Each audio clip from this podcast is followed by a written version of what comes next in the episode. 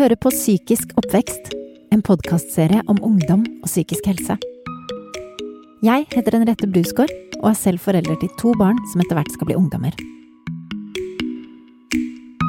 Da jeg vokste opp, hadde vi ikke sosiale medier. Men vi sammenlignet oss likevel med andre. For unge i dag skjer denne sosiale sammenligningen hele tiden. Fordi de konstant blir eksponert for andres tilsynelatende perfekte liv på sosiale medier. Hva gjør dette egentlig med de unges selvfølelse og psykiske helse generelt?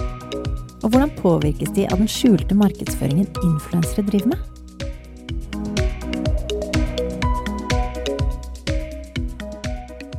For min del så ser jeg på sosiale medier som et sted der hvor det både er veldig mye bra du kan lære om deg selv, og så kan du også se veldig dårlige sider av samfunnet og av verden.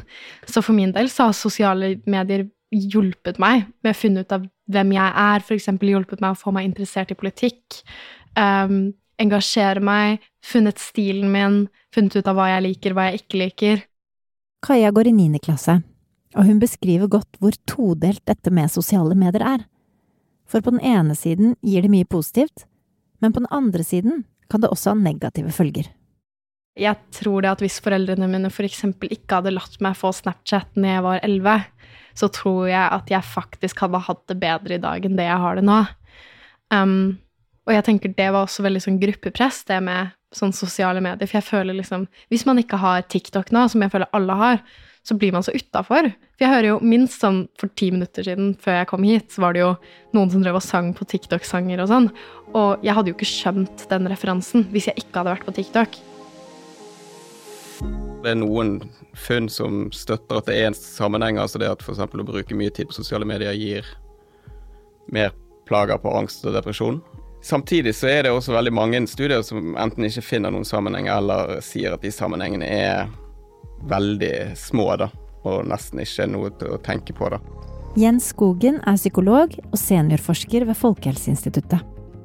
Han forteller at det har vært forsket mye på mengden bruk av sosiale medier, men ikke så mye på innholdet og kvaliteten i det som foregår. Der vil man muligens finne ut mer om sammenhengen med psykisk helse. Det å på en måte søke bekreftelse på internett eller på sosiale medier fra en tidlig alder er jo ikke heldig nødvendigvis, da.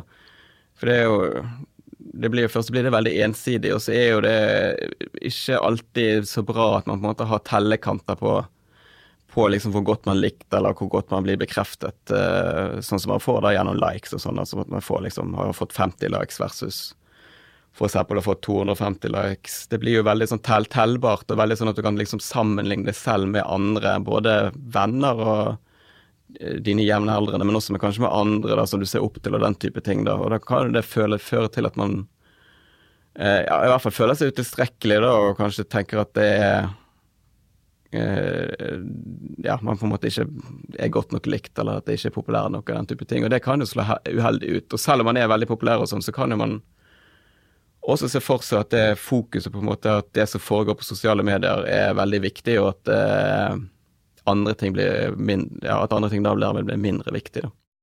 Det kan, ifølge Jens, være uheldig å ha et stort fokus på likes og kommentarer, fordi det for mange blir en slags fasit som alle kan se på hvor godt forhold man har til venner eller familie.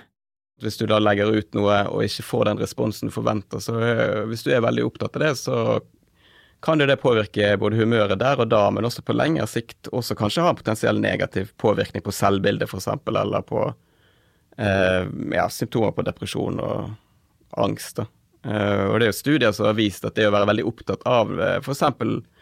hvor mange likes man får, eller eh, at det at man sletter innlegg eh, hvis man ikke får så mange likes som man ønsker, eh, at de som gjør det veldig ofte, eller rapporterer at de gjør det veldig ofte, også rapporterer om en generelt eh, lavere livskvalitet og større grad av symptomer på angst og depresjon da, enn andre.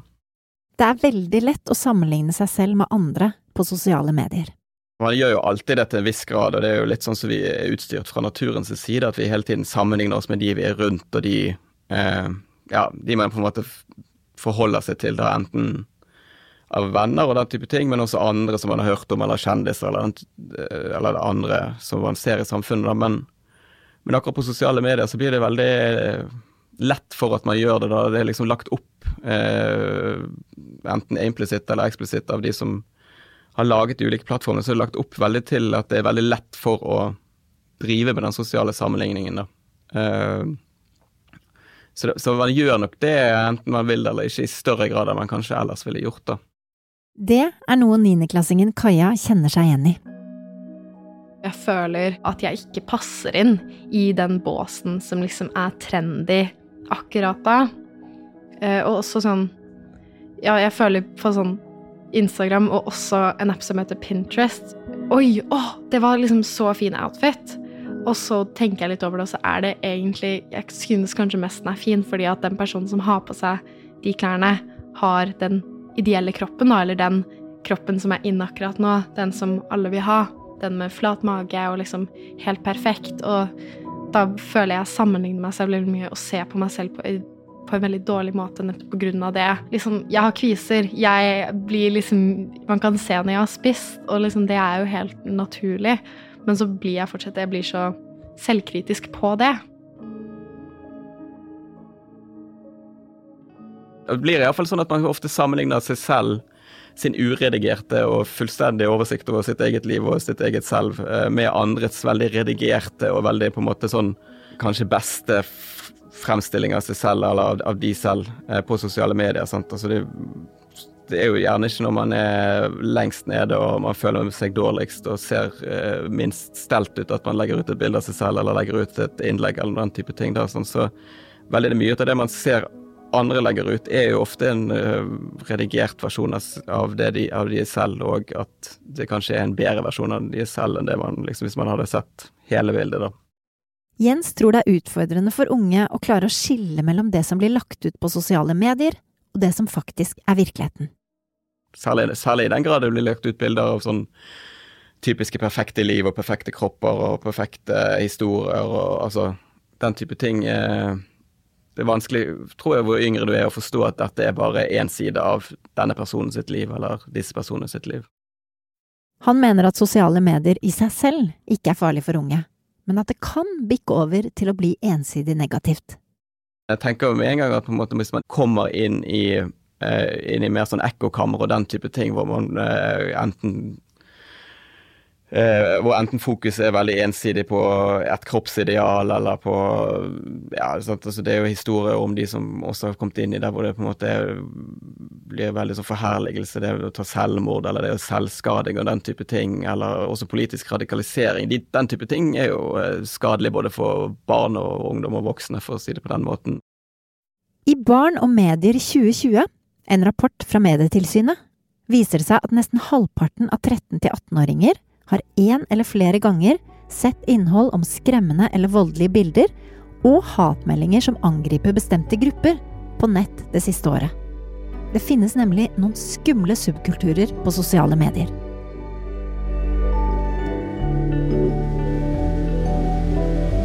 «20 år gamle William Gamborg er det man kaller en tiktoker. Han legger ut videoer på den sosiale plattformen TikTok. Der har han over 400 000 følgere og mange millioner mennesker som ser videoene hans, hvor han for det meste danser. Det som jeg føler er spesielt med TikTok, er at det er en plattform du kan reache veldig mange på veldig kort tid. Og du kan eh, vise f.eks. din kunst, da, eller din sport, din aktivitet, din interesse til veldig mange. I Barn og medier 2020 kommer det frem at 65% av unge mellom 13 og 18 år bruker TikTok, og det er flere jenter enn gutter. Miljøet på appen har vært kjent for å være negativt, spesielt i kommentarfeltene, men for William har livet i appen vært utelukkende positivt. Det er jo gøy når du driver med noe og folk liker det du driver med. Det gir jo meg en driv til å fortsette, og det er fordi jeg føler at jeg har veldig ønske om å kunne inspirere og eh, eh, dele min energi da, og min kunst på disse sosiale mediene. Og det som er, er at eh, når man også får muligheten til å kunne spre til så mange på så kort tid, men også eh, connecte via om det er fans eller folk som er interessert, da, så føler jeg at jeg kan at jeg får til å inspirere, og at det er gøy å kunne dele noe som du, som jeg i hvert fall har holdt på med hele livet, og vise det til folk, da, og kanskje noen har lyst til å gjøre det samme en eller annen gang. Den unge tiktokeren kjenner på å være en del av et fellesskap. Jeg føler at eh, jeg har mange venner som blant annet er på TikTok og Instagram og Snapchat, og eh, jeg føler jo at jeg er en del av det, og ikke bare på sosiale medier, men også utenom. Det er jo liksom Det er jo det å kunne føle at man er med på å eh, gjøre noe gøy, da. Eh, og kunne dele det på sosiale medier. Det er utrolig givende, føler jeg, da, for meg. Det er jo å være liksom en del av noe. Og, og være en del av noe som man også kanskje jobber hardt for. For jeg føler jo at jeg ved å legge ut for eksempel TikToks hver dag, krever jo noe av meg. Men det er jo gøy, og det viser resultater. Og at man kan gjøre det sammen med venner, da. Bare ha det gøy. Unges kropp og selvbilde kan påvirkes av det de eksponeres for på sosiale medier. Men en annen, helt konkret utfordring er at de utsettes for en massiv skjult markedsføring fra tidlig alder. Jeg føler det er veldig lett å bli påvirka av det du ser, uten at du egentlig vet at du blir påvirka av det. Ifølge Barn og Medier 2020 opplever over 70% av 13-18-åringer å få mye reklame i sosiale medier. Måten influensere presenterer innhold på, er ofte veldig personlig, og som trofast følger kan det føles som om man får være en del av en utvalgt gruppe. Dette vil gjøre at man blir mindre kritisk, og dermed lettere påvirket til å for eksempel ønske seg noe, eller å kjøpe noe. Man glemmer litt at dette er reklame, da.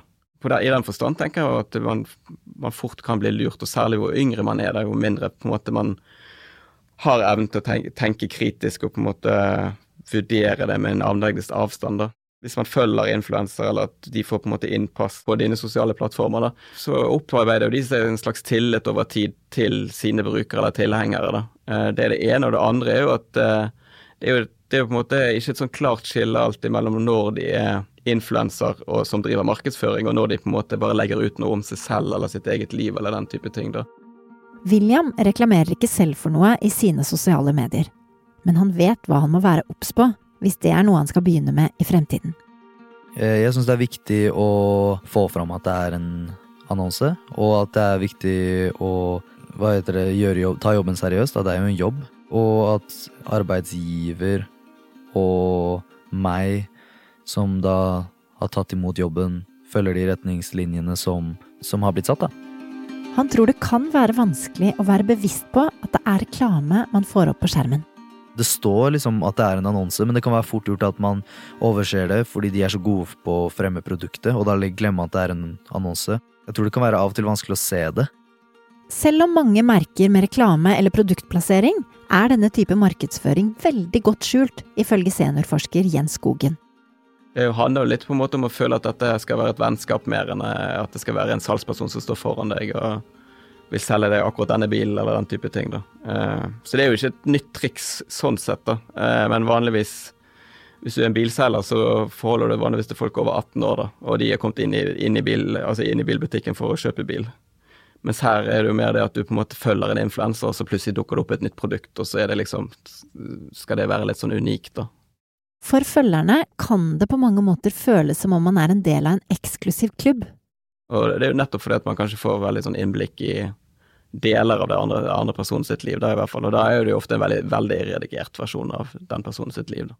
Selv på en måte sånn innlegg som eh, kanskje ikke handler direkte om noe som skal selges eller som skal promoteres, så er det kanskje også veldig sånn vel, kan jo være veldig veloverveid og ha på en måte en, eh, et motiv i, i, retning av markedsføringa likevel, da, fordi at det skal på en måte bygge tillit, eller det skal på en måte legge opp til det som skal skje neste uke, eller ja, den type ting. da.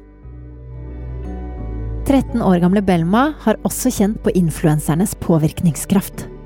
Folk som har så store plattformer og liksom viser liksom hva de har på seg, hvordan de gjør ting, hvordan de oppfører seg. Det er så lett, å, er så lett for dem å bare dele, og så ser så mange det. Og så um, tenker sånn Å, de har så stor plattform, de er så populære, jeg må liksom gjøre som dem.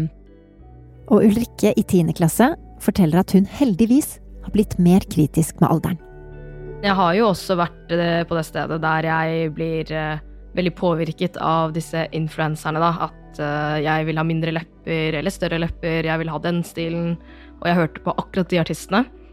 Men jeg har blitt veldig kritisk nå, uh, ettersom jeg har blitt eldre. Og uh, jeg blir ikke like påvirket av de liksom, små filletingene, på en måte. Men hva skal vi foreldre gjøre for å hjelpe ungdommene våre til å forstå hva som er reklame og ikke? Og hvordan skal de lære å bli kritiske til det de ser på internett? For jeg må innrømme, noen ganger blir jeg også påvirket av det jeg ser. Det er litt vanskelig å stå imot de markedskreftene og på en måte også influensere alene. Eh, og det er også vanskelig for foreldre på en måte å gjøre noe sånn liksom bare si nei, eller det får ikke du lov til å være på, eller den type ting. I hvert fall etter hvert som barnet blir eldre. Eh, men jeg tror på en måte igjen da å ha dialog og på en måte prøve å oppfordre til liksom litt kritisk tenkning, og kanskje tenke litt sammen med barnet. Liksom, ja, 'Hvorfor tror du at akkurat det ble lagt ut sånn, og hvorfor tror du det ble frem...' Altså, det er mange måter å på en måte få mulighet til å tenke litt kritisk sammen med barnet, da, og få litt refleksjon Altså sånn barn og ungdom reflekterer litt rundt ja, hvorfor influenseren f.eks. legger ut det de legger ut. da. Som forelder kan du kanskje kjenne deg igjen i frustrasjonen over at ungdommen sitter mye på telefonen og scroller på sosiale medier, men ifølge Jens går dette faktisk begge veier. Det er ganske mange ungdommer som sier at de skulle ønske eh, foreldrene brukte mindre tid på sosiale medier, eller mindre tid på mobilen, da, når, når, man er sammen. Så det går jo litt begge veier, da. Men jeg tenker at det kan jo potensielt føre til at det er en sånn forringelse i relasjonen til barnet, da. I tillegg er det undersøkelser som viser at over halvparten av ungdom sier at foreldrene viser liten eller ingen interesse for det ungdommene gjør på sosiale medier det kan jo føre til at, måte, at det blir en viss eh, distanse. At måte ungdommen holder, har liksom mye av livet sitt foregår på sosiale medier. Eh, mens foreldrene ikke engasjerer seg der i det hele tatt. Da. Det vil jo, sånn at Man kan jo snakke om da, for at de vokser fra hverandre eller den type ting, men i alle fall at da er jo det deler av måte, det sosiale livet til ungdommen som foreldrene ikke har noe innblikk i det hele tatt. da. Foreldrene mine er ikke så veldig veldig mye på sosiale medier, og jeg føler de ikke helt vet hvordan man bruker sosiale medier heller. Og her har åttendeklassingen Belma et poeng. For vi foreldre har nok ganske mye å lære av barna våre når det kommer til livet på internettet. Mange av de voksne kom seg aldri lenger enn Facebook, mens barna for lengst har flyttet seg videre. Det er flere faktorer der som jeg tenker som gjør at foreldre godt kunne lært seg mer om veldig mye, og også engasjert seg mer i, i, i på en måte bruken til uh, barna. da. Men, men, jeg tenker at det, mye av det her er jo kanskje en situasjon der hvor på en måte de, de, voksne må lære litt av sine egne barn, og også ungdom sånn generelt. da, at vi må på en måte eh, De kan ikke ta i bruk alle disse plattformene selv og lære seg alt som foregår på sosiale medier selv, men de må på en måte kanskje høre litt på erfaringene til eh, yngre barn, eldre ungdom, eh, hva som på en måte Eh, brukes eh, for tiden osv., og, så videre, og prøve å oppdatere seg på den måten. da. Eh, I tillegg til å vise en sånn generell interesse, og selvfølgelig prøve å bruke det selv. og Sånn, du lærer jo litt ut av det òg, men, men, jeg tror det er litt sånn for mye å forvente at alle foreldre skal ha like mange eh, profiler og bruke like mange, mange sosiale medieplattformer som ungdom bruker. da. Jeg tror det kan være på både godt og vondt at foreldre skjønner mer hvordan sosiale medier funker, og også sånn hvordan det er for oss. At vi Det er både bra for vi kan få kontakt med nye folk, ta kontakt med venner, se nye ting, oppleve, lære. Men det er også så mye negative sider ved det. Jeg føler at det nesten er bra at foreldre kommer mer og mer inn i den verden, også med da TikTok f.eks., som er en ganske ny plattform.